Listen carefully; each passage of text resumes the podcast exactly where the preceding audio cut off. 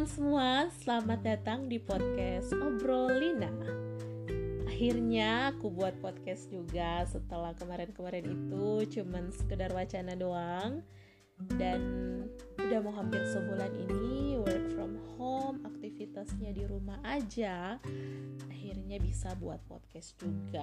Nah, bagaimana dengan teman-teman sekalian? Adakah yang work from home? atau mungkin ada juga yang work from office gimana nih semuanya masih pada sehat-sehat kan semoga tetap sehat dan tetap semangat baik yang kerja di rumah atau kerja di kantor. Nah gimana sih perasaan teman-teman menghadapi pandemi COVID-19 ini?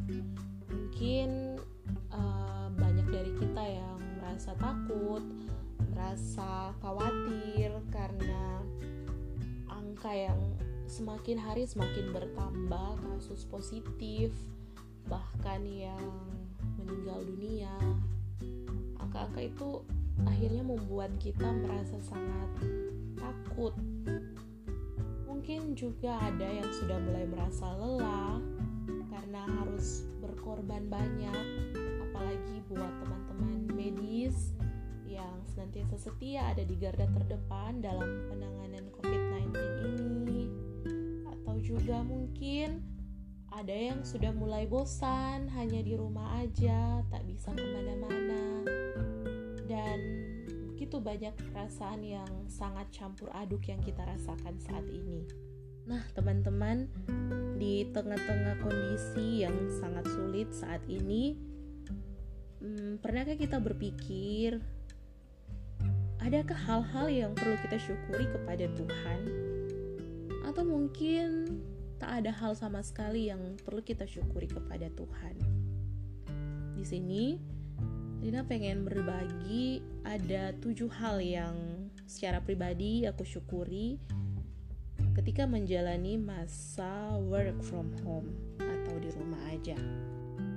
Hal pertama yang aku syukuri yaitu waktu berkualitas bersama dengan Tuhan.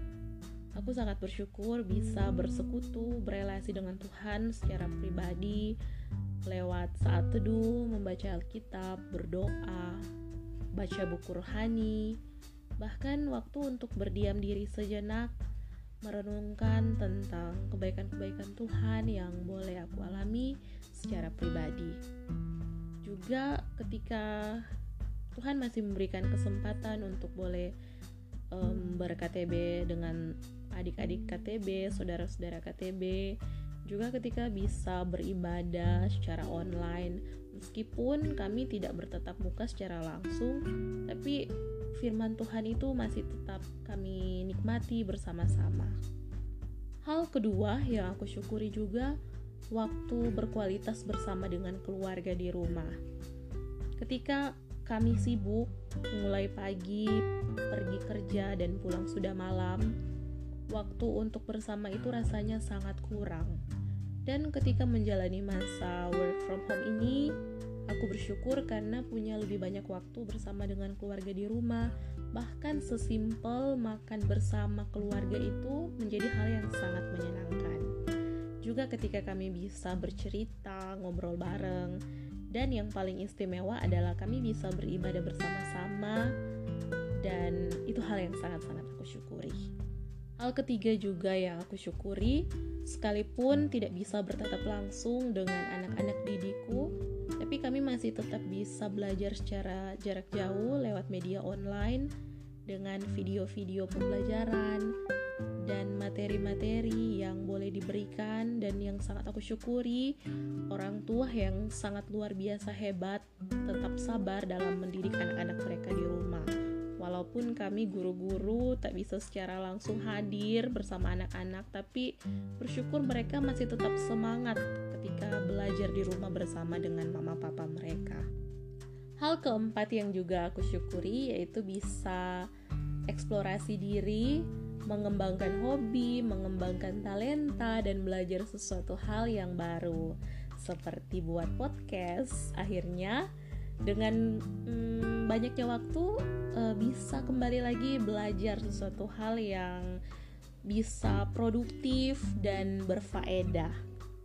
Hal kelima yang juga aku syukuri yaitu bisa tetap terkoneksi dengan sahabat-sahabat, orang-orang yang menjadi inner circle aku. Meskipun jarak memisahkan kita, tapi kita masih bisa bertemu lewat video call bareng. Meskipun ya, sometimes I feel so bored karena nggak bisa langsung bertemu dengan teman-teman. Tapi um, ya mau gimana lagi? Kita harus tetap bersyukur walaupun seperti itu keadaannya. Yang penting kita masih bisa tetap terkoneksi dan terhubung. Hal keenam yang aku syukuri itu meskipun dalam kondisi yang sangat sulit saat ini dan yang pastinya juga merambat sampai ke dunia ekonomi, banyak usaha yang harus uh, tutup dan rugi dan lain sebagainya. Tapi di sini itu membuka suatu kesempatan bagi orang lain untuk juga tetap berbagi kasih dengan sesama. Jadi itu hal yang sangat luar biasa ketika kita bisa saling berbagi, peduli dengan orang lain. Dan hal yang terakhir yang aku syukuri juga di masa-masa ini yaitu aku melihat begitu banyak orang yang akhirnya uh, punya caranya masing-masing di dalam menghibur diri supaya tidak stres. Mulai dari main menangkap ayam, menangkap telur dan lain sebagainya, bahkan bikin video-video TikTok yang lucu-lucu. Dan juga bikin eh, hal-hal uh, menarik lainnya yang juga berfaedah. Dan itu sih hal yang sangat seru yang uh, unik dari masing-masing pribadi kita bahkan sesimpel kita istirahat tidur siang itu juga hal yang cukup menghibur sih bagiku Nah, teman-teman, itulah tujuh hal yang boleh aku bagikan. Semoga teman-teman juga bisa memikirkan, merenungkan hal-hal yang teman-teman syukuri um, meskipun kondisinya sulit, namun biarlah kita tetap mengucap syukur kepada Tuhan. Dan menutup podcast kali ini, ada satu kutipan menarik dari Pak WP, bunyinya seperti ini. Ada banyak hal indah yang terlewatkan ketika kita berjalan terlalu cepat. Nah, teman-teman, um, kadang mungkin kita karena terlalu tergesa-gesa, terlalu cepat, dan terburu-buru, akhirnya hal-hal indah di sekitar kita itu terlewat begitu saja. Namun, ketika kita memperlambat tempo kita, memperlambat waktu kita dalam menghadapi hari-hari hidup ini, maka kita bisa menikmati begitu banyak berkat yang daripada Tuhan. Kiranya obrolina kali ini bisa menjadi berkat bagi teman-teman sekalian. Sampai jumpa di podcast selanjutnya. Bye.